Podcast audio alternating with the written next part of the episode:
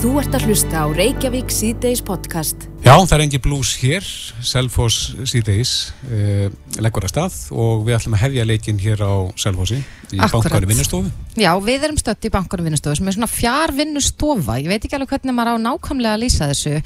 En já, maðurinn sem að, að er að baki þessu er, er hann Leo Árnarsson, stjórnar formaður Sigtúns þróunafélags. Hann er sestur hérna hjá okkur, kom til sæl.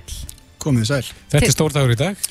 Já, þetta er uh, stór dagur fyrir okkur og, og við erum hér að opna í þessu glæsilega húsi sem að sumi telja nú sé eitt glæsilegasta húsið á öllu Suðurlandi en, en það er gaman að, að opna þetta hús fyrir Suðlendingum og, og hér ætlum við að bjóða upp á aðstöðu fyrir þá sem að annarkvort búa á Suðurlandi og vinna í Reykjavík geta unni hér 2-3 daga í viku eða aðra sem að, sem að eh, búa hér á Selfossi og vilja bara vinna hér og, og vilja vinna í svona umhverfi. Um, finnur þú mikinn áhuga á þessu? Er, er, við náttúrulega höfum hort upp á miklar lokanir að helli segðu undanförnu. Þannig að finnur það meðbyr með svona verkefni hérna? Já, það er, það er rosalega mikil meðbyr og það eru 1500 manns að, að því að talið er sem að keira daglega til vinnu til Reykjavíkur og auðvitað er þetta bara bylting í raun fyrir þá einstaklinga sem að geta kannski verið 2-3 daga í viku í heimabygð seint börnum ef eitthvað kemur upp á í sambandi við skólamál, íþróttamál eða þú þarfst bara að sinna einhverjum persónlegum persónlegum málum að geta gert það og unnið hér í heimabygð Hvað er bóðið upp á hér? Hvaða aðstafa? Hér er rauninni verið að bjóða upp á aðstöðu þar að segja að þú borgar 30.000 krónur á mánuði fyrir einstakling og uh, þá nýtur alla þá aðstöðu sem hér er. Hér eru skrippborð með, með stórum skjám, allt frá 30 og upp í 40 tómu skjái og svo eru líka hér fjölmörg svona kaffihúsa borð fyrir þá sem að eru bara með sína ferðatölvu. Hér er fjölmörg fundarherbyggi þannig að, að hér er í rauninni öll aðstafa til þess að, að eiga og vera á góðum vinnustaf. Og þetta hárhaða nettengingar og, og fleira í þeimdur. Já, við erum bara í takt við nútímann og, og, og framtíðina þannig að, að og, og sko markmið okkar er í rauninni að, að svona leiða saman fólk og hugmyndir frá svona ýmsum sviðum atvinnulífs á, á Suðurlandi og, og styrkja bara tengslanettið og, og líka bara styrkja sko bæði vinnu og vinabönd. Og það er nú gaman að því að síðasta lögata vorum við hér með opið hús og þá var að koma fólk, margir sömur hverjir ný fluttir á svæðið eða búin að búa hér í nokkur ár. Og, og svo komist þeir bara að því að, að náungin í næstu götu var bara að vinna í sama geira og hafði svipuð áhugamál en báðir hafði þeir verið að keira til Reykjavík daglega. Og, og það er nákvæmlega þetta sem ég held að líka gerist. Hérna hittist fólk bæði úr ýmsum geirum en líka úr, úr sama geira sem að býr kannski nált hvort öðru hér á Selfossi en, en veit ekki að því. Þið keftuð, eins og segir, þetta er eitt glæsilegsta húsið á Suðurlandi, Já. gamla landsbankahúsi. Hvað, þið eru bara með aðra hæð og þriðju hæð í rauninni. Já, við erum, sko, starfsemi bankans vinnustofu er núna í rúmlega 500 fermetrum. Mm Landsbankin stefnir á, að, stefnir á ný húsakynni innan þryggja ára og þá er hugmyndin hér að, að byggja hér við Landsbankan hér aftur úr, það er að segja á mjög stóri lóð sem við eigum til söðurs, hótel og tengja þetta saman þannig að hér verði hótel, hér verði vinnustofa þannig að saman hittist uh, lokallinn og, og, og ferðamenn og uh, þetta verði svona eitt skemmtilegu suðu pottur. Sér þið fyrir þeirra, nú hefur líka verið mikið talað um það að erlendir sérfræðingar geti komið hingað og, og unnið þá í fjárvinnu, að þetta geti verið aðstæða fyrir uh, þá einstaklinga. Já, það er akkurat það sem við hugsum með tengingu við hótel. Það er að geta bóðið upp á þetta og eins eh, bara fyrirtæki og Reykjavík sem að vilja koma austu fyrir fjall og, og, og nýta góða aðstöðu og, og alltaf snýst þetta um að bjóða upp á úrvals aðstöðu og markmið okkar hér var að, að, að segja aðstæðan sem við ætlum að bjóða hér verður að vera jafn góð eða betri en viðkomandi hefur í Reykjavík. Og það er eins með, með sérfrækja hvaðan sem þeir koma úr heiminum. Ef aðstæðan er framúskarandi þá getur, það er grunnurinn að því að byggjast upp. Já. Sigtúni þróunasettir þið eru stórhuga, þið er náttúrulega standið að uppbyggingu miðbæjanis líka. Tengist þetta að ykkur leiti? Já, sko, það má segja í rauninni að, að, að uh, miðbærinni sérstatt verkefni að því leiti til að, að það er ekki einangra verkefni innan einhvers byggingareits. Heldur hefur það búið til tækifæri víða um svæðið og uh, kaupin okkar á þessu hús á sín tíma voru kannski bara staðfestinga á því að hvað við sjáum mikil tækifæri á Selfossi mm -hmm. Og uh, uppbygging miðbæri sem hefur gengið alveg æfintilega vel eftir að við opnum í júli í fyrra þrátt verið það ástand sem að við opnum miðbæin í þá hefur gengið mjög vel og uh, við hyggjum áfram á, á sömu breytar. Er, er eitt fjörði búi núna? Já, það er eitt fjörði búi en það er búinir um 5600 fermetrar og uh, við stefnum á að byggja núna hefjast handa í sumar og þar verða um 18.000 fermetra í byggingu. Og eru þetta aðalega verslanir og fyrirtæki sem að verða þarna í þessum fermetrum? Já, það er uh, þó tölvert meira af íbúðum í áfanga 2 um uh, 6.000 fermetrar af þessum 18.000 en annars verður þar hótel og, og síðan verslanir og veitikastæðir. Þið eru að gera þetta í sátt og samleiti við náttúruna, eða ekki?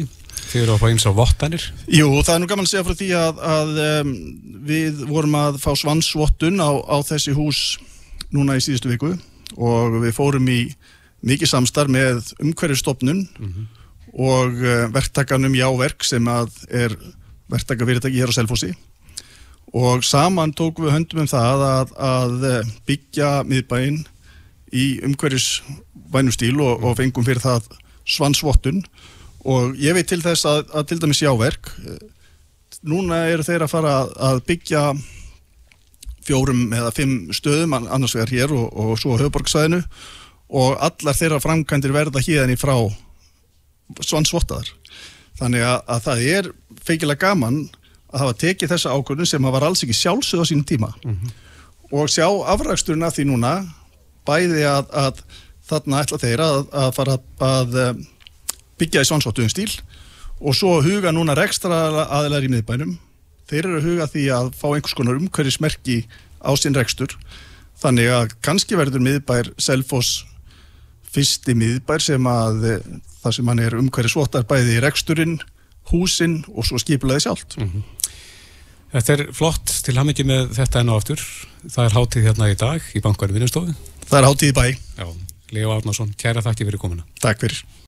Þú ert að hlusta á Reykjavík C-Days podcast. Jæja, Reykjavík C-Days eða Selfoss C-Days í dag. Mm -hmm. Við vorum í gæra að velta fyrir okkur saminningu Sveitafélag og höfubrókarsæðinu. Já, það byrtist grein á vísi.is í gæri þar sem að maður, uh, skrifar heila grein um það hversu hafkvæmt það myndi vera að samina Sveitarfélagin á höfubrókarsæðinu. Við rættum síðan við Ármann Káur Ólafsson, bæjarstjóri Kópói, honum leist nú ekkert Nei, vel á þessa hugmynd. Það var ekki hrifin, en við spurðum í konun á að samina sveitafélaginu á höfbrukarsvæðinu. 50,4% segja já, 34,5% nei og svo er restinn 15,2% sem hafi ekki skoðun. Akkurat, þetta er, ég, það komir svolítið óvart verið að segja. Já, uh, hann er komin til okkar inn við að ráð þeirra, ráð þeirra sveitastjórnamálið þetta, Sigur Ríki Jóhansson, velkomin. Já, takk fyrir. Kemur þessi könnun okkar þér óvart, það voru 4546 sem að tóku þátt. Já, ég er nú svolítið sammálað. Ég átti ekki vona á svona háa hlutvallið sem myndi samþykja. Nei. Það er rúmlega helmingur og það sér nömlega. Erst þú hrifin af slíkri saminningu? Já, sko, já, ég er það. Ég verði sjálf svo er. Það er, það er ofta ágætt sko, að hugsa einhvern gest utanfrá sem kemur til einhvers samfélags, hann myndi aldrei hafa hugmyndum þegar hann keirur einu hérna, bæjarfélagi, sveitarfélagi og í annað þannig á höfbrukarsvæðinu. Sama gildi svolítið hérna út á landi og menn segja að hverju er þetta ekki bara eitt sveitarfélag? Það gildi náttúrulega nákvæmlega sama á höfbrukarsvæðinu nema ávinningurinn eru þetta starri.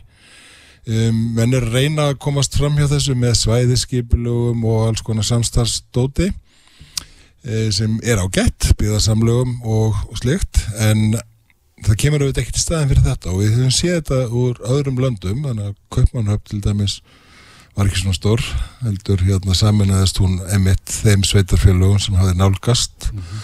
og öll voru saminuð nefnar endur eitt sem heit Freiriksberg ég veit ekki hvort að það er þá Seldjátanessið eða hvort að Vesturbæring geti verið sér, ég veit það ekki en, en hérna ég heldur endar það sé ekkert góð fyrirmynd hjá þeim að hafa Freyrisberg undan skilið. En ég held að uh, þetta sé eitthvað sem að menna ég að ræða. Ég er sannfærður um að hagraðengin er greiðlega mikil yfir sínin til að mynda yfir hvað eru lóðir hvað eru þetta byggja uh, ákvarðanur um samgöngumál eru þau kannski samræmdari Þannig að svona stóra myndin er í nú freka jákvæður þessu, já. Mm -hmm. Ármann saði nú við okkur gæra að það væri einhverja rannsóknir sem að, að síndu að, að hendug stærð væri hvað 30 til 50 þúsund mm -hmm. manna bæjarfélög Já, það er svo hinliðin sko að það, þetta myndi auðvitað þýða það að alveg eins og menn stopnuði í Múlaþingi sem er mjög landfræðilega stort sveitarfélag heimastjórnir með ákveði vald þryggja manna heimastjórnir að þá geti kannski breyðholti ferðið að stjórna meiru heldur að það færa að gera í dag ekki dósveipað og Garðabær mm -hmm. Oldanes Árbærin, Gravarvór mm -hmm. Getur sveitafélag orðið og stórt? Um, ég veit það ekki, það fyrir eftir hvernig þú, bara, hvernig þú lagskiptir þessari stjórnsýslu. Um, ég, ef ég mann rétt er kaupmanöfn 1,5 miljón í því sveitafélagi sko, og það er reyndar margir borgarstjórar, ég veit ekki hvort að það sé endilega eftirsóknarvert og svo er einhver yfir, þannig að þetta skiptir auðvitað málu upp á stjórnkerðu, þú sérst ekki endilega að setja hérna alltaf nýja rjómakokkur ofan og aðra heldur hafa þetta skilvirt skipulag.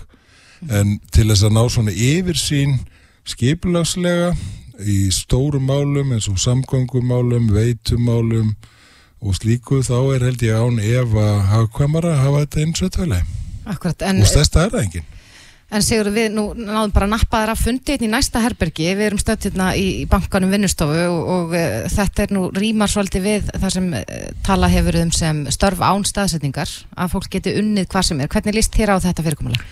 Eh, mér líst náttúrulega frábærlega vel á þetta og þegar þessi hugmynd kom upp hérna, alltaf sé ekki verða ár síðan, það er náttúrulega kraftur í, í Leo og hans fólki, að þá hérna var þetta kynnt fyrir okkur í sveitistjórnaráðanetinu á þeim tíma. Uh, og okkur leist aldrei vel á þessa hugmyndafræði, hún rýmaði vel við þá byggða stefnu, byggða áallin sem við vorum með að, að búa til svona klasa hingað og þangað, nema þessi var svolítið stór, ég er svona stærri hugmynd á bakvið þetta og uh, við endaðum á því að gera viljavillisingu með sveitarfélaginu og þeim hérna í þróunarfélaginu um að setja hér á lakirna stóran vinnustad það er jafnvel talið, það vita ekki alveg allir en það vita það er svo sem engin en það er talið að þetta geti verið alltaf 1700 mann sem keir af Suðurlandi til Reykjavíkur og hverjum degi. Mm -hmm. auðvitað er ekki öll störfin þannig að þau geti verið unnir á skrifstofu en fjölmörg. Þannig að ávinningurinn af þessu að geta haft vinnustofu þar sem þú þart ekki alltaf að fara á hinn vinnustæðinu þinn og jafnvel getur bara verið hérna alltaf að það er gríðalur ávinningur fyrir lofslægið, fyrir fjölskyldulífið fyrir fólki sem myndi spara tíma og getur þá eftir sem áður valið sér búsetu. Þannig að við settum þetta sem svona tilraunaverkefni og fyrirmyndin í stjórnarsáttmálan og erum horfa á að geta gert þetta þá víðar um land af þessari starðagráðu kannski í þessum kraga hringin í kringum höfuborgarsvæði, hvort sem það er nú eitt sveitafélag eða, eða, eða sex. En hérna og síðan með smarri hætti mjög víða og það er, er komið uh, á neskustæðir til dæmis saminuhús Þingeyri, Blábankin og, og síðan er bara mjög víða sem að og, og hjá byggðastofnun eru, eru þeir með kort svona yfir staði þar sem eru laus pláss sko, hjá ríkistofnunum, hjá sveitarfélögum eða í svona klasasamstarfi eins og er hér. Þa, þetta er kannski nýjungin hérna að það er semst engaðili sem að fær bæði ríki og sveitafélag til þess að koma inn. Þannig að þetta er bara byrjun. Þetta er byrjunin, hún er gríðarlega spennandi. Við getum ekki sleft þessi úr á þess að spyrja það eins og stílmingarnar í þinginu. Þingi búið að logi morgun út af sölu hlutur ríkisins í, í Íslandsbanka. Já. og það er kallað eftir rannsók hvernig meðtur þú málið? Ég held að, að það sé fullkonlega eðlagt að verða við því og, og hérna... Hver á að sjá um þá rannsók? Ég heyrði nú fjármálráður hann uh, leggja til að Ríkisendskoðan sem ennum stofnun hérna, þingsins gerir það um, ég stið það Það er kallað eftir að þingnemnd Vilji menn sem sagt ganga lengra í svona hefðbundar rannsóknarnemnd þá mun ég stiða það líka mm -hmm. Bjarni Benditsson var í bítinu í morgun og, og, og eins og hefur komið fram í frettunum bara býstna ánaður með, með árangurna sölunni. Er þú á sömulínu og hann? Ég held að í heilsinni hafi það gengið bísna vel en ég verða að segja alveg svo er að, að um, þessi umferð af sölunni hefur skilið eftir sig of margar spurningar sem að mér finnst ekki að veri svarað. Eins og er? Uh, bara um þetta jafnræði að, að því að geta bóðið. Hvað er fagfjárfæstir og hverjir fengu það tilbúð? Ég mér fannst að bankasíslan og, og, og það væri búið að segja mér að það væru allir fagfjárfistar sem væru viðkendir sem slíkir mm -hmm. nú hafa þó nokkur stíðið fram held ég í dag og, og sagt að ekki hefa þeim verið bóðið mm -hmm. og það kemur mér óvart og ég held að það þurfum við að skýra af hverju það er og með sama hætti finnst mér líka sérstakt að þegar við erum að selja þá til þessara stærri fagfjárfesta að upphæðina gáttu jafnvelfæri neyri í miljón ef ég telri þetta það eru held ég að ýmsir sem hefur geta skrapa saman í miljón mm -hmm.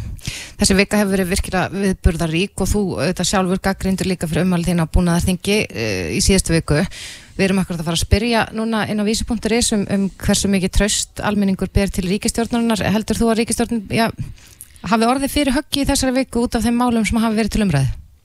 Sjálfsagt á einhvern hát og hefur vel skilning á því að það að svo sé en, en ég vona líka að, að fólk muni þá meta þau störf sem að við erum að standa fyrir og ég held að við hefum ekki, ekki gefið neitt náttúrulega á þeim.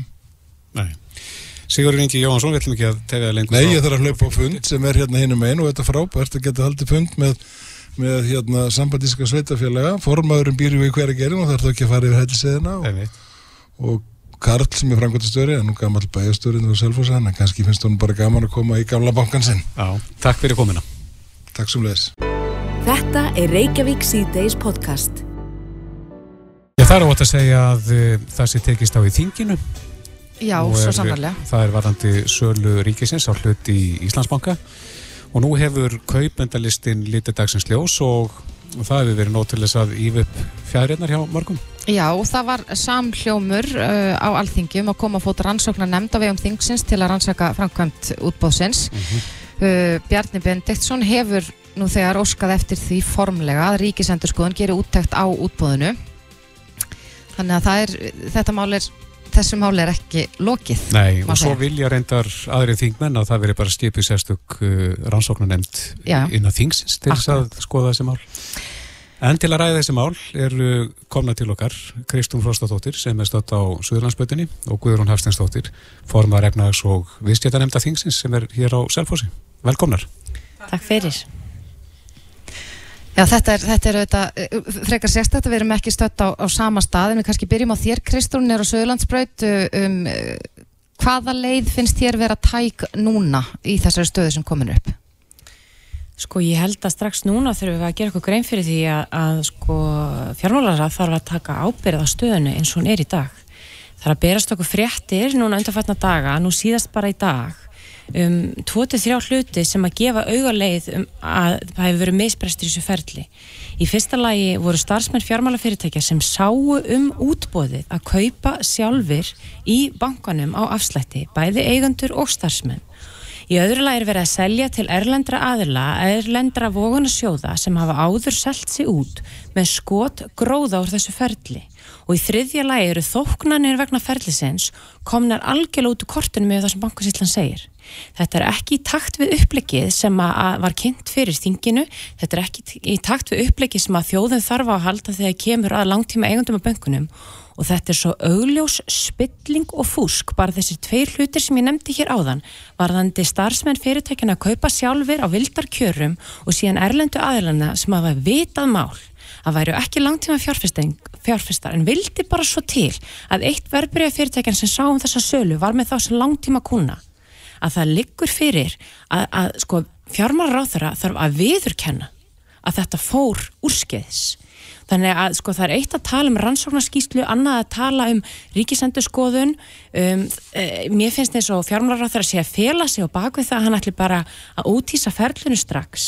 Ég bara á ekki til aukatekki orð að fjármálaráþur að geti hort í augun á þjóðunni, vitandi þess mann veit eftir daginn í dag og sagt að ekkert hafi farið úrskiðis. Nei, uh, Guðrún, er þetta, lítið þú þetta sömu augum eins og Kristrún?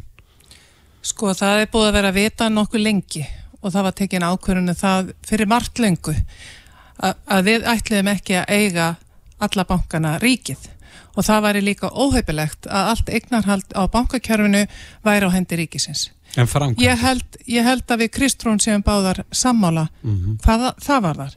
Þannig að í júni fyrra það hofst sala á Íslandsbanka og þar voru seldir 55 miljardar í, e, voru seldi til almennings, þar komi 24.000 manns sem er eignust hlut í þessum banka. Þá var sömulegis leita til fjögra Hortsteins fjárfesta. Núna aftur á móti e, má segja að hérna það var farið í, í annars konar ferli og ég held að til dæmis í efnars og viðskiptanemndi við vorum beðunum að gefa álitt á þessu ferli sem við og gerðum.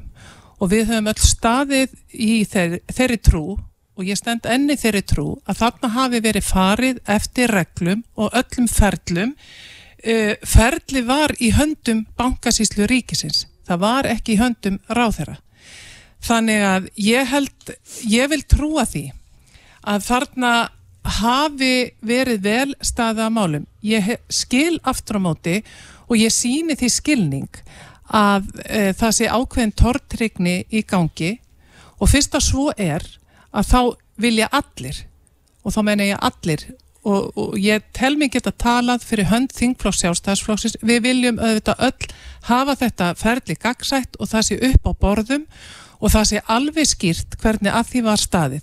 Það ætlar engin að vera í feluleik hvað þetta varðar og ég vil líka fá að taka það fram að það sá það engin fyrir það sá það engin fyrir að þarna myndu koma kaupendur sem eru með, já hvernig á ég að segja, með ákveðin tengsl eða ákveðina viðskiptarlega sögu sem að er kannski ekki mjög glæst, það sá það engi fyrir. Var þessum aðeins ekki bóðið að taka þátt í þessu útbóði?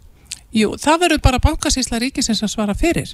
Mm -hmm. en, en við sáum það ekki fyrir en nú hafa margir bent á að það sitja ekki allir við samanborð og, og Sigurður Ingi sagði nú bara hérna við okkur áðan að það voru fagfjárfestar sem átt að fá að taka þátt í þessu en nú hafa stíðið fram fagfjárfestar sem að fengu ekki bóðum að taka þátt skilur reyðina í samfélaginu uh, hvað það varðar að, að jafnræði hafa ekki verið gett? Ég skil þá reyði bara mjög vel og ég sagði á þingin í dag að þegar er verið að selja ríkisegnir og sérstaklega viðkvæma eign sem banki er að þá verður það að vera algjörlega upp á borðum, það verður að vera alveg skýrt hvernig það ferli er og það vil ég sjá og það viljum við öll sjá. Og ég held að við séum hvort sem að við erum í stjórn eða stjórnarandstöðu, ég held að við séum bara sammála um það að það verða að vera. Þess vegna stiðja þá tillegur á þeirra sem hann kom með í morgun á þinginu að, að ríkisendurskoðun verði falið að, að taka út þetta ferli og, og ríkisendurskoðun mun síðan skila þeirri skýslu til stjórnskipunar og eftirlitsnemdar og ef að svo ólíklega vil til að þarna sé misprestur þá verður við að vita það. En er það þá að ábyrð bankasýstuna frekar heldur en ráð þeirra? Ráðherra felur bankasýslunni. Bankasýsla ríkisins var sett á stopn til þess að halda utanum eignanluti ríkisins mm. í böngunum okkar og þeim var falið að halda utanum þetta ferli. Ég held að það hljóti allir að sjá það að ráðherra var ekkert að ráskast í þessu ferli. Það var á höndum bankasýslu ríkisins. Kristrún, ertu samála þessu? Já, já, nei, ég er náttúrulega ekki samála þessu. Í fyrsta lagi, sko, það þarf enga ríkis endur skoðun til að átta sig á að það var misbrestur hér á og ég á bara mjög erfitt með að skilja hvers vegna það sem ætti að vera augljóst öllum þeim sem að vellingi getur valdið að hér hefur orðið misbrestur af. Við vorum með starfsmenn, fyrirtækjana sem sáum útbóðið sem að keiftu á vildar kjörum. Við vorum með erlenda aðela, vogunarsjóðir sem að voru í vildar samband við ákveð meðlara fyrirtækjuru, ekki langtíma fjárfistar sem hafa hagnast strax um miljónir, 20 miljónir króna á þessum viðskiptum. En kemur það þá ekki bara segja, fram fyrir ekki Kristján, kemur það þá ekki fram við slíkar rannsók? Þetta er allt komið fram. Við vitum þetta af listanum. Þetta eru upplýsingar sem liggja fyrir. Þessu nöfn hafa verið byrt. Við sjáum þetta nú þegar. Hvað var þar ábyrð, ráþerra og ríkistjórnar versus bankasíslunar? Sko það er eitt að segja, við setjum upp bankasíslunar sem svona armslengtar fyrir breyði. Það er annað að segja, af því að ráþerra hafiði engin afskipti af þeim, þá ber hann ekki ábyrð. Hann er þarna í umbóði þjóðar að selja almenningsegn, ríkisegn. Hann ber að sjálfsögðu ábyrð á þeim skilabóðum sem eru sendt til bankasíslunar um hvers konar ferli eigi að eiga sér stað. Og það að bera það fyrir sig að hafa bara einfallega ekki vita hvað var í gangi kallar á bara spurningar um hver var fórustan í þessu máli. Hvernig var samið við bankasíslunar hvaða línur lágu fyrir? Og ef það er virkilega svo að, að ráð þeirra hafði svona lítil ítök í þessu ferli, hafði enga yfirsinn, hafði enga skoðun á því hverskins fjárfestar kæma borðunni, það væru aðelar með misjafna fjármála fortíð, það væru aðelar sem væri vitað mál að tóku snúning á almenningsegn fyrir ári síðan, að það væru innherjar og, og hérna, eigandur fjármála fyrirtækja sem að væru að sjá um útböð sem kæma þessu sko ég set bara mjög stort spurningamerki við það hver hæfni einstaklinga það er að stýra og, og, og fylgjast með bankasíslunni en fólk getur bara hort í augun á íslenskum almenningi eftir að þessar upplýsingar eru komna fram og segja, ég viljum bara að láta mögulega kíkja á það hvort að þetta sé löglegt. Ég segi bara eins og er, ef það er löglegt að gera það sem er nú framkomið þá er þetta enga síður algjörlega siðlust og þetta er fúsk og ekki eðlilegir viðskiptarhættið. Þetta myndi ekki viðgangast undir neinum eðlilegum kringustæðum og það er svo alvarlegt mál fyrir Íslandst viðskiptarlíf, fyrir tröst almennings á bankakerfinu og fyrir tröstkakvart stjórnvöldum að ríkistjórnin get ekki stíið fast neðu til jarðar í þessu máli og sagt að hér hefur augljós misbrestur orðið á. En Kristur, nú, nú uh, var Bjarni hér í bítunni í morgun og útskýrði aðeins hvernig þetta fer fram. Uh, hvernig hefði salan á, á þessum hlut í bankanum betur geta farið fram? Hvernig hefði hægt að gera þetta á, á já, réttan máta?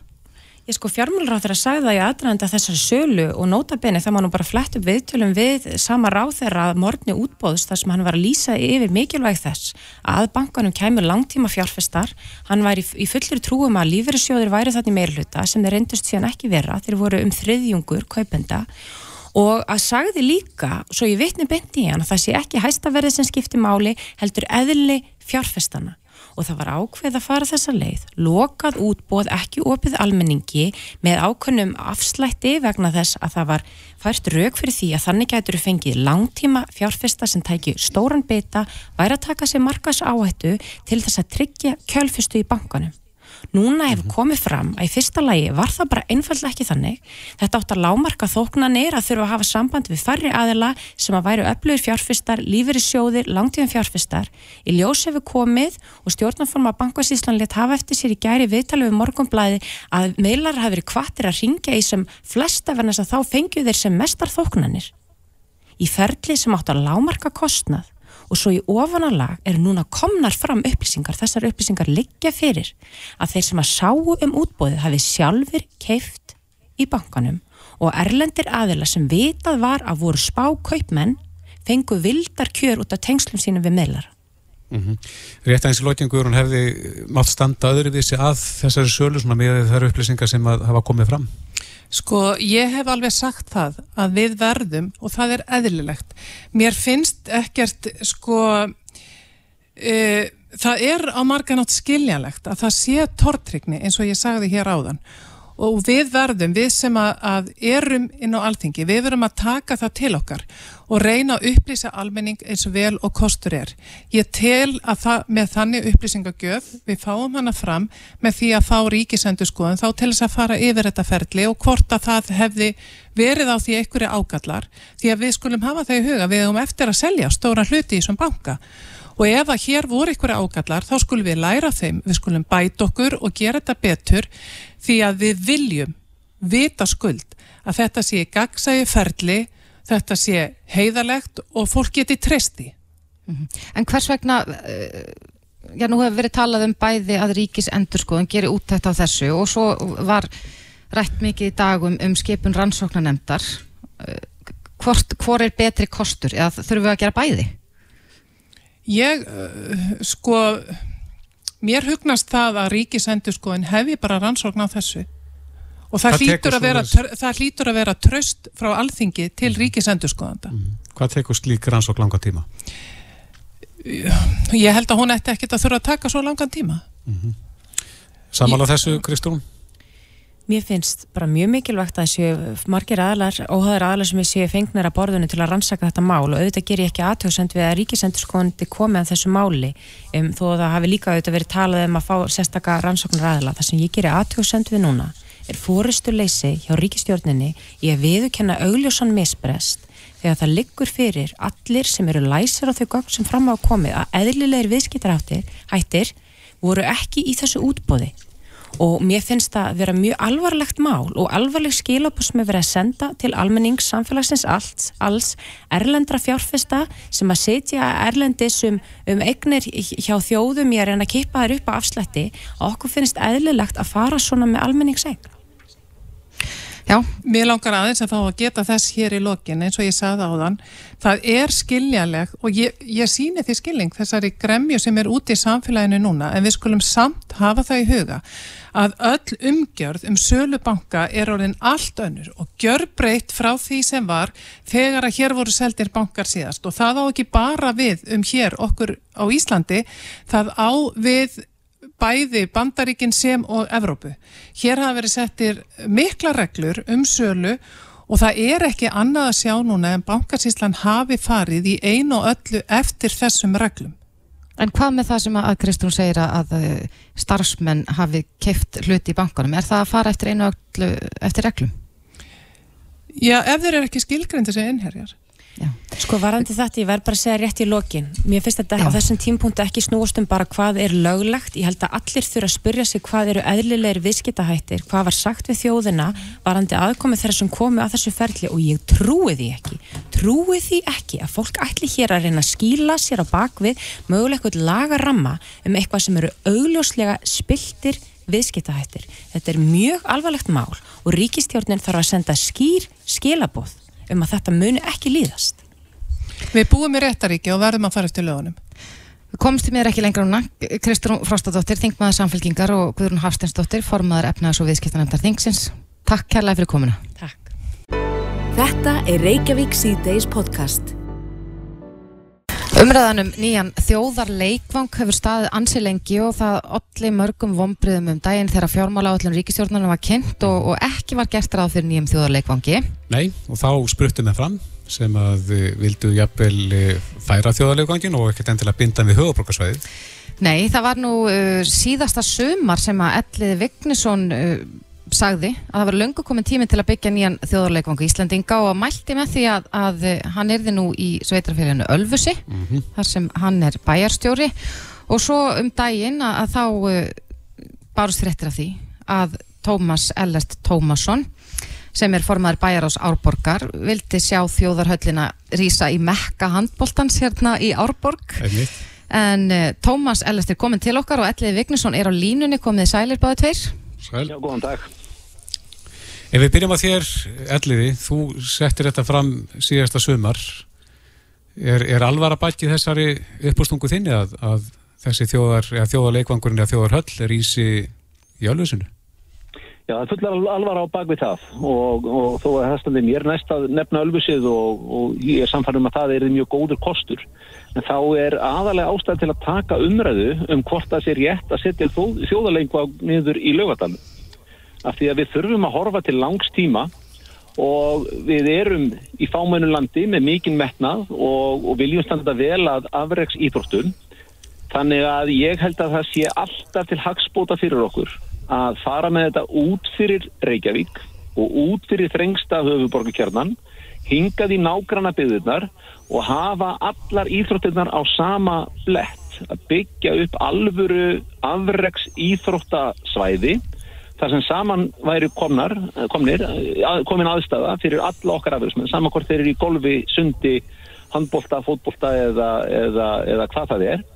Og þetta kallar á plás og hér í nágrinni huguborgarsvæðisins, engangu 25 minúta axtur ofan á Rauðavatni getur við bóðið upp á flatlendsvæði sem að er með gott undirlendi og, og skjólsælt og, og auðvelt að komast að. Það er líka auðvelt að nýta svæði þá fyrir fleira, fyrir, fyrir tónleika.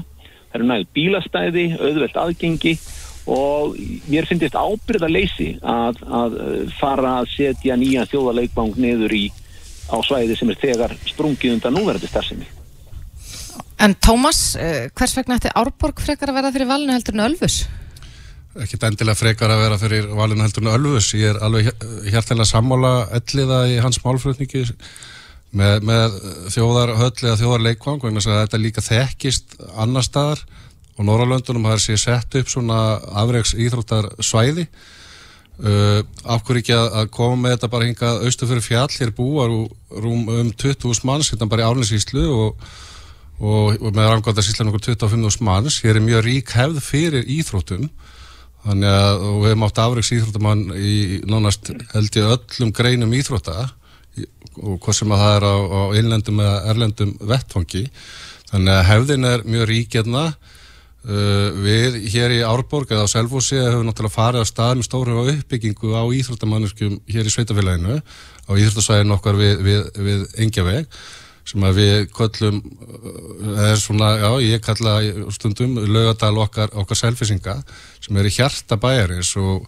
þar höfum við skiplað svæði undir svona starfsemi og, og við höfum áhuga á því að byggja þá star, hérna, starfsemi upp á einhverjum 10-15 árum og var, með aðkomi ríkisins og þá var það hægt að stækka þessi mannverki og, og, og gera þetta miklu mun fyrr því að það hefur hreinlega verið pínlegt að fylgjast með þessar umræðu undafarin ári eða áratug, tíu að, hérna, og, og þessum þrátefli millir Reykjavíkuborgar og ríki, ríkisins varðandi staðsynningu, gerð og, og, og annað. Og ég tek alveg undir eins og segja, og allir kom inn á áðan að, að sko að varðandi bara umferðarflæði og slíkt að hérna að það væri miklu minn hendur að koma til einhverju austur. Fyrir ekki, af því að Elli nefndi þetta á 25 minútu frá Rauðavatni. Ef það er fært, nú hefur verið met fjöldi lokan á heiðinni til dæmis í vetur. Já, Væri, væri þetta að bjóða fólki upp á það? Ef það ætlaði að fara á leik fyrir Östan fjall? Það þarf lefnilega einmitt að, hérna, að laga veginn á milli. Þannig að upphæfi var einmitt spara til við gerð vegarins yfir helliseiði 2 pluss 1 með vegrið á milli sem virka bara svo snjókildra og lokast því oftar en ella. Hvað segir þú við þessu ellið? Er, er þetta bjóða fólki upp á þetta? Já, já, það er þetta að bjóða upp á þetta. Þessi vetur hefur verið snjófungur og, og, og erfiði fyrir margar sækir En, og þjónustan breyst líka. þegar að, já, já, en þegar að þrengslinn eru lokuð og þá er hvað sem er ekki verið að spila íþróttir af því að í flestum tilvíkum er það bara ófært innan borgar og frá útkverfum líka. Þannig að við erum svo sem bara á sama stað og, og önnur útkverfi borgarinnar munurinn á svæðinu hérna og því sem að nær er höfuborgarsvæðinu er að hér höfuð olbúarými, hér höfuð plás við getum tekið á mótu þessu. Við getum tekið á móti öllum íþróttagreinunum og hort til langstíma, hort 50 til 100 ár fram í tíman með, með, með uppbygginguna og ekki bara fyrir mannvirkinn, heldur líka fyrir stóð e, þjónustu, bara fyrir, fyrir bílastæði og fyrir gistirými og sjúkurafjálfanir og svo margt fleira e, hér, hér höfum við þetta og það er alveg rétt sem að, að Ellert segir að, að við höfum líka dæminn frá mörgum af okkar, okkar nákvæmlega löndum, það er ekki svo stadu fransi í sko miðborg Parísar.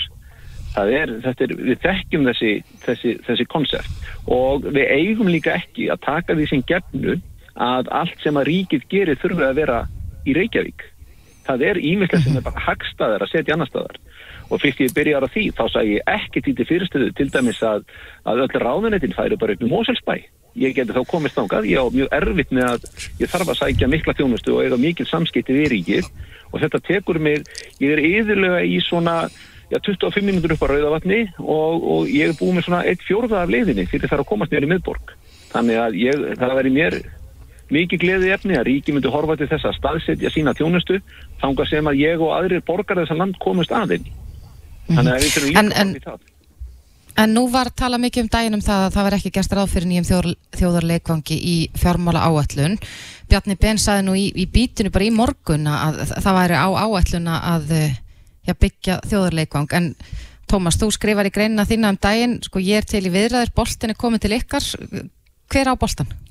Ríkið á boltan Þannig að um þetta er lefnilega að hafa verið laðar fram áallanir eftir áallanir eftir áallanir eftir áallanir eftir áallanir í þessum málum og ymsa skýslur skrifaðar. E, þetta er ekki svona flóki verkefni.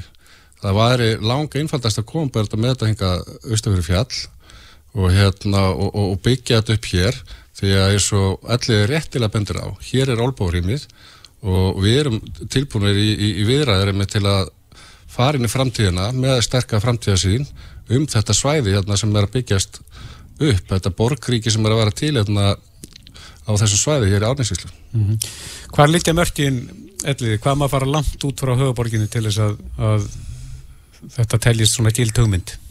ég held að þau eru nú bara að skoða það en, en alltaf að sé ekki ykkur svona hálf tími 45 mínúna radíus í kringu borgina sem að, sem að vera eðlilegt að, að horfa til og á þessu svæði, þetta er orðið eitt og sama atvinnusvæði ég þekk ekki prósutuna, kannski þekkir ellestana hvað eru margir sem að keira annarkort til, til vinnu í Reykjavík eða yfir heitin eða þengslinn hingað til að sækja vinnuna. Þannig að við erum á sama svæðiru nema hér getum við hort til lengri tíma og við getum líka hort til að þjónusta íþróttagreinina betur. Og ég er alveg samfærið um það að það þarf ekki að sitja lengi yfir þessu til að komast að þessari niðurstöðu og boltin er sannlega hjá ríkinu að hísja svolítið upp um sig brækurnar í aðstöðu til, til yrkunar afreiksýþrótt. Við erum mjög mhm. stolt af íþróttalífin okkar, við erum á sama hátt og, og við erum mjög stolt af menningalífin okkar, við byggðum hörpuna og, og við sjáum þau áhrif sem það hefur haft og fólk getur haft ímsar eh, skoðunar á þessu og sjálfur hef ég sterkar skoðunar á þessu en það breytir því ekki að það sjá allir hvaða áhrif þetta hefur og nú er komið mm. að afreiksýtrústunum og við viljum sjá hortið þess að þetta sé utan höfuborgarsvæðisins og gerðan hér fyrir Östanfjall. Já, það verður forvittilegt að sjá hvort að ríki hlusti á þetta ákall ykkar en Tómas Ellert Tómasson, formadur bæjaráðs Árborgar og Elliði Vignesson bæjarstöru Ölfus. Takk kærlega fyrir spjalli. Takk fyrir þetta, gangi ykkur vel.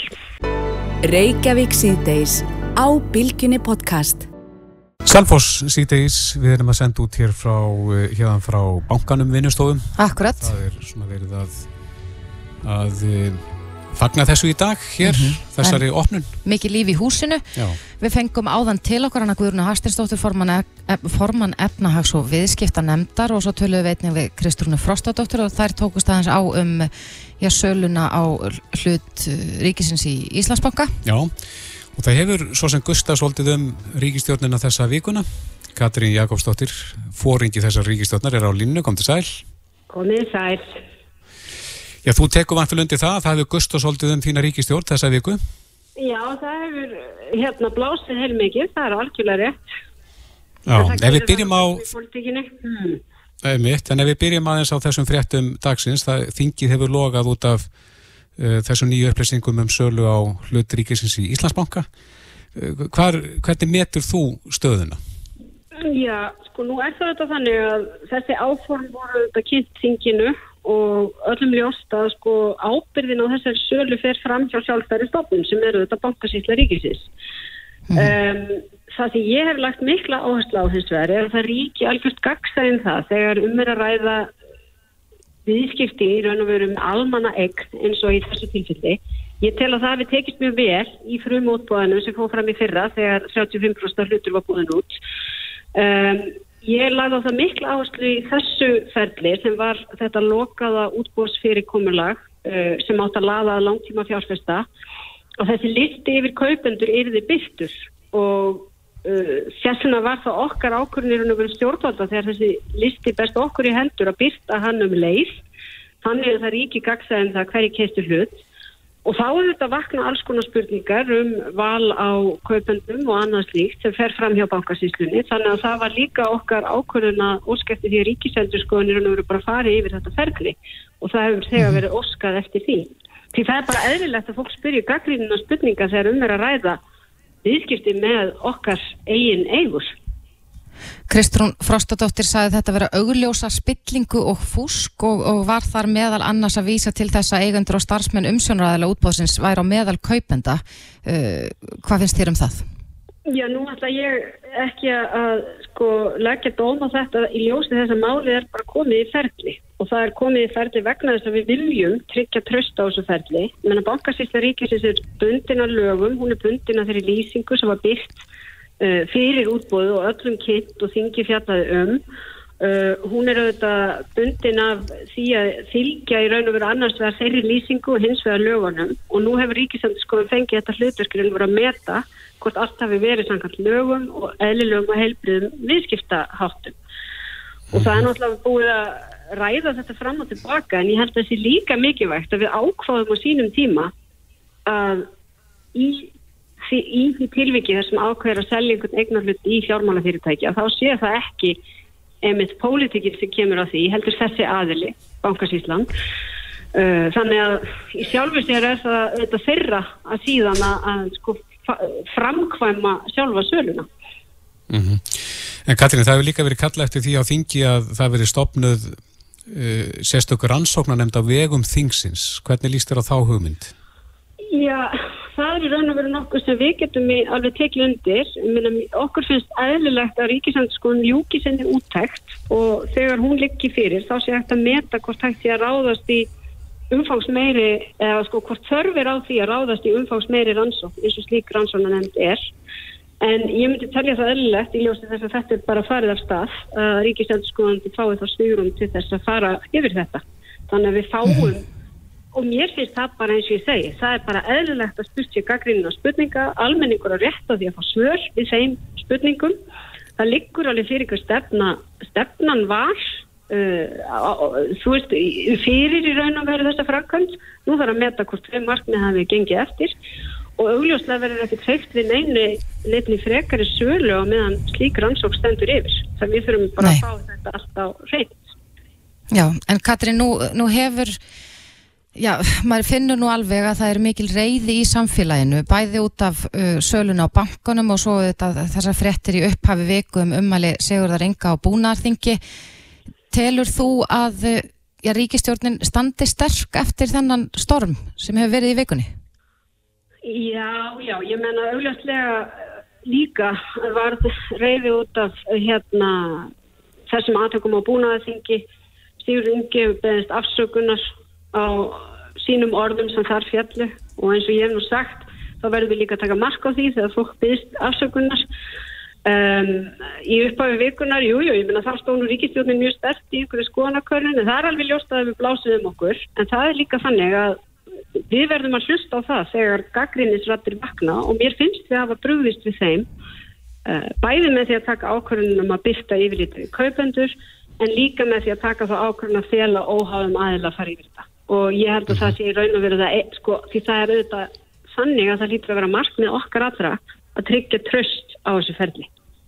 Já, og, en það á eftir að selja meiri og meira af hlut ríkisins í Íslandsbanka, svona meða við það sem að þú, eh, það eru upplýsingar sem þú hefur núna, mm -hmm. tilur að þú eru að breyta einhverju í þessu ferli? Ég held að ég ætli að í raun og veru að býða eftir að sjá útækt ríkisendurskoðunar á þessu ferli og þeirra mat á því hvernig það við tekist til.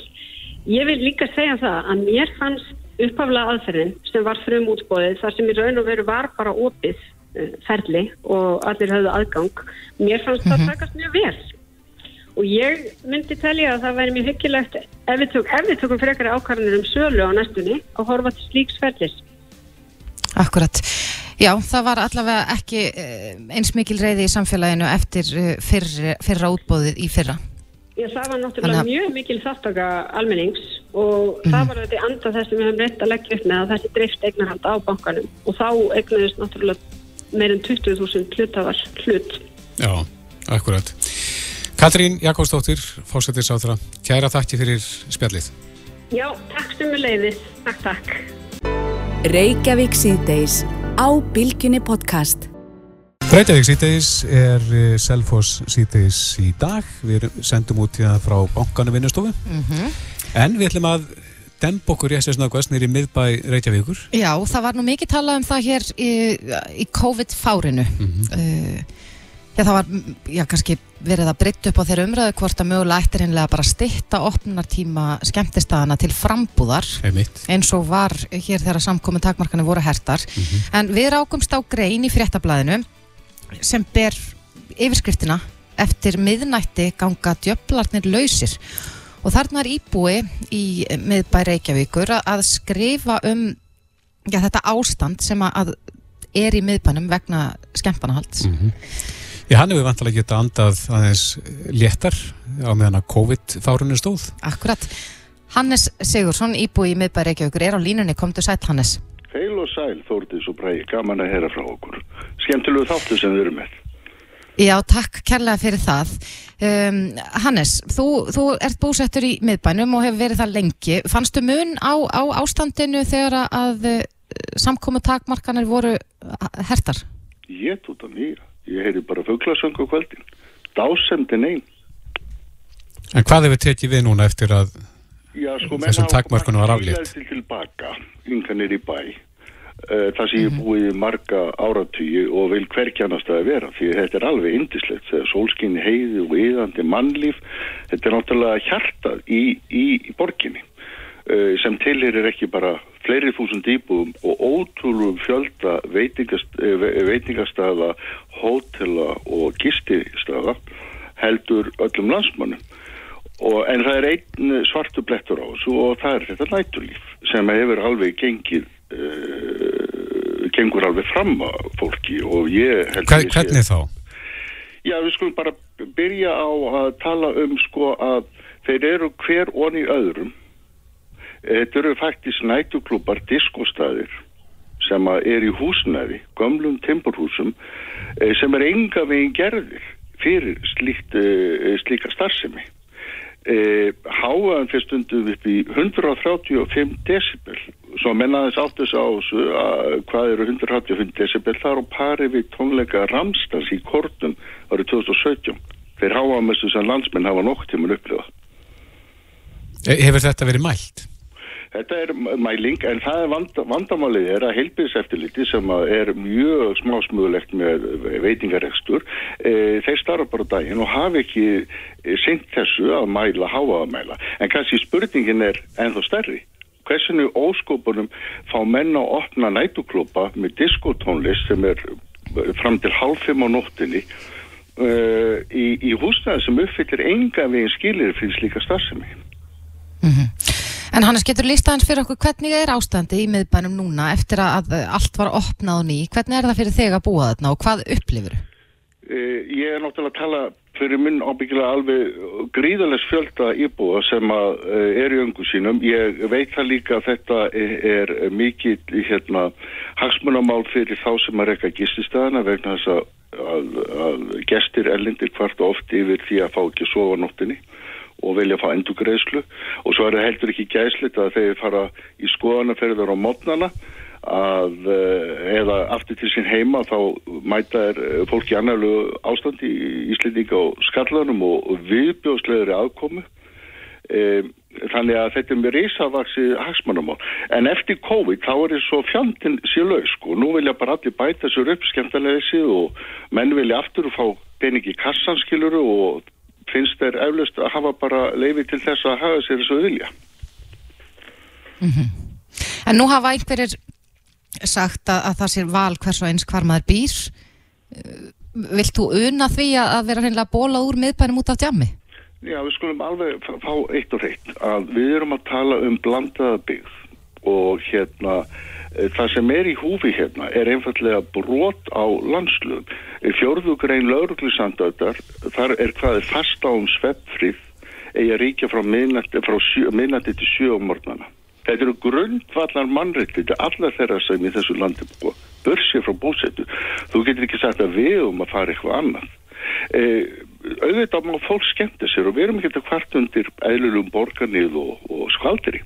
Við erum að tala um geðvegan háa Uh, það sem að, að fólk uh, lætur öllum nýtlunátum, það er einhverju lita vegna ótrúlega mikið hrópasköld og göttum úti. Fólk hefur rétt á að sprengja sér hljóðuruna, en það getur bara ekki gert á kostnum annara. Uh, það má heldur ekki kúka og skýta og míga á útidurarhörfir íbúa. Er það gert? Já, Jésús almatur, já, já, já, já. Það vantar sáverðnis Hver þrýfur það upp? aðstöði hérna, heldur betur. En hver þrýfur slikt upp? Er, er það borginn sem gerir það? Já, hún gerir það seint og síður en þegar menn koma stundum út á götturnar uh, í morgusári að þá er allt úti í gubbupollum, pissu, uh, uh, sand á göttum, mannarskítur, spröytunála, smokkar, búðarusl, glerbrott, sigaretustöpar, getum haldið áfram, það er bara allir listin. Þetta er allt eftir stemtun næturinnar? Yes, sir. En þú segir hérna í pisleininum á, á fréttablaðinu að, að þú tólkir þetta sem hljóðpyntingar og ofbeldi í bóði borgarinnar. Já, góða punkti, sko. Hérna, sko, að, málið er að, að einn vinsalasta pyntingatækni heimi eru hátalara. Eh, þeim bregður til dæmis fyrir í kernfinnsmálunu eh, sem hluti af, af, af því að, að, að fá uh, falskar hjáttningar og sagbortingum sem voru beitið miklu hardræði, uh, haldað vöku fyrir þeim með hljóðum. Annað dæmi er að, að tónlistetti Kristun og Aguilera var notið til þess að kvelja fanga og halda fyrir þeim vöku í Guantanamo. Mm -hmm. en ég ætla að benda á það líka að að hljóðmengun er eitt mesta líð helsu vandamál í, í nútímas að mati alþjóðlugu helbiðsstofnunar og svebraskan mm -hmm. og svepleysi er meira hátt af vandamál á Íslandi. Einu ja. sinni máttu menn reykja hvað þið vildu, böngum og, og hérna börum og jafnli flugvjölum í dag er það stránglega bannar og ég held að þetta sé spurningum við vitundavakningu að menn átt að segja því að hljóðmengun jafnkildir óbyrnum reykingum. En, en Hannes, þú segir í bóði borgarnar, gerir borgin ekkert í málinu og hlustar ekki á ykkur íbúa miðbæðarins? Ef að menn bara vissu hvað menn eru búin að reyna að ringja í laurugluna, þetta er ekki bara borgin, en hún ber mikla sög og laurugluna líka, hún er, bara, hún er ekki framfylgja landslugum og borgin viðist bara finnast þetta besta mál. Þeir svar ekki. Það er haugur af kvörtunum sem berstu lauruglunar en hún gerir ekkit í því og þessi yföld sem að er, það eru margir aðeins að koma að þessu þeir deil ekki með þessar upplýsingum menn fá ekki áhörd, það er bara einfallega ekki hlusta á það og ég er mhm. með svo mörg dæmi með um það og sem ég heilt frá fólki, ég sé svo margar formlega kvartanir frá íbúðasamtökunum það gerist ekki neitt. Það er og menn vilji bara hafa þetta svona og þeir hafa ekkit með þetta að gera, þetta er ekki þeirra mál. En það er jú borgin sem veitir þessi leifi sem að skipalögur með þeim hætti þessi staðir eru onni hvar öðrum, það liggur við að þessu konur upp í rúm hjá sumum íbúum. Hér til dæmis náðat mér er, er fjölbilsús og í þessu fjölbilsús sem er búið tíum manns er búið að koma diskoteki undir íbúum, diskoteki sem er að auðvisa salsakvöld á kvöldin. Hvað myndur menn segja upp í bregðaldi árbæði að menn kemur fyrir diskoteki í, í hérna undir íbúin? Hm? Mm. E, það er góð spurning, en, en sko... Það er svo að þetta gerist á vakt þessa meirulhutti í borginni. Ég er ekki politikus, ég er bara íbúð. Ég er ekki að blanda henni í politikina tilleitunni til að þetta er hagsmaramál fyrir okkur, fyrir hótelin og mér finnst að gamli fallið meðbærum okkar eigi ekki að vera bara einhver öskubakki fyrir fólk sem er gjamm og djúsa. Eða öskur bakki? Ösku, ösku bakki, sagði Já, en, en Hannes, nú hefur Mér bara náttúrulega þessi ösku bakki Nei, en Hannes, það hefur líka verið talað um það að, að já, svo hugmynd hefur komið upp um að stitta opnunatíman myndi það leysa vandan eða þarf djammi bara að fara eitthvað annað? Hér er það sem ég vildi fá að segja absolutt, lauruglan er búin að tala um þetta aftur og aftur, það er ekkit nýtt og, og borgin og borgastjóri það verður bara að tala við hann. Vill ekki hlýða þessu. Vegna þess að ef að opnatímin er stittur þá myndir hegðunarminnstu breytast og fólk verður miklu fyrr út á lífi og viljum hafa þetta dannað og við, þetta er bærin, þetta er miðbærin okkar allar við hefum bara eitt gamla miðbæ og e, það sem að e, er aflegging þessa langa opnatíma er að fólk verður náttúrulega uh, druknar og druknar og það eru örfáður sprútsar, þetta eru raun og veru bara örfáður aðla sem eiga flest þessar staði. Sömu, sömu eigundur aðum öllum. Að, að þeir græða kannski en fólk verður alveg úturvittlu stópað og hérna það veldur því að það eigur líkurnar á alvarlegu óbyldi, við erum að tala um limlestingar, nýfstungur og naukanir og fólk veigra sér bara að vera út á kvöldin sérstaklega hvem fólk það er bara, Já. það er hrætt við, við, við, við eh, hérna uh, við, við suma einstaklinga og sumir ringja undan sér á þeirra að fara heim til þess að vera vissum að, að einhver vita að þeim. Já, en Hannes, það er stutt í kostningar og þú ert vantarlega að setja þessa grein fram svona í tilefna því að, að pólitíkus að hlusti núna Já, hvað, menn, hvað er að menna að gera sem get ekki bórið hönd fyrir höfuð og engi hlustar á það og þetta er stórkostlegt vandamál. E, já, kjósum háan í burt. E, menn geta tólka það eins og þau vilja en við erum bástæðilega að menna fáum háan í burtu. Látum menn mhm. taka á þessu, það er lausn og hún er svo að byggja þessa eigundur að vera svo væna að gera tvenn að draga úr bassonum, hann er mest í skafaldurinn, hann ristir í gegnum úrveki og dregur langt og það að sussa fólk og ef menn eru meðveitur um það, við erum að tala um vitundarvakningu, þá getum við byrjað að lenda þetta. Í framaldu þessu, það sem ég held að mjög margi vilja sjá, að eins og í dönnum borgum, eins og í Paris og London og viðast hver annars þeir, er eru svona staðir í sérstökur hverma eins og í gamla þetta. Þá voru þeir innan, mm -hmm. klúpurinn, Óðal, Hollywood, alvöru dansskól, básar, básar til þess að rappa í. Eh, en núna er þetta bara allt hérna og einum punkti og ótrúlega þetta skulle vera á svona litlu stöðum, fólk er svo síld í tunnu, getur ekki dansa.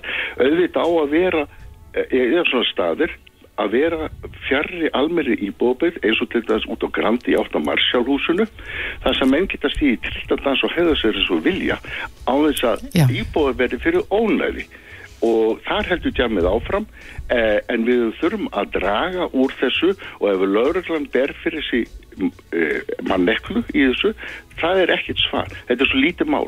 Það er bannað að blasta músík út á götu í almannarími frá hátulur, það gera menn Það er bannað að vera með mikill háfað og, og vöku fyrir mönnum. Það er bannað að vera með óspektur og götum úti og lauruglan getur algjörlega tekið á þessu. Hún þarf bara að fara inn á staðan og segja ef við lækki ekki tónlistina þá lokum við staðanum. Ef menn sinnaði ekki og setja bara gulum laurugluborða á hörðina Akkurat. og síðan koma dagsektir og svo framvegis. Og síðan eru við sveitti vingvættinglefi. Punktu basta. Já, við Við komumst því miður ekki lengra núna. Hannes Sigursson, íbúi, íbúi í miðbæ Reykjavíkur. Kærar þakki fyrir spjalli. Takk þess, blessuð. Hlustaðu hvena sem er á Reykjavík C-Days podcast.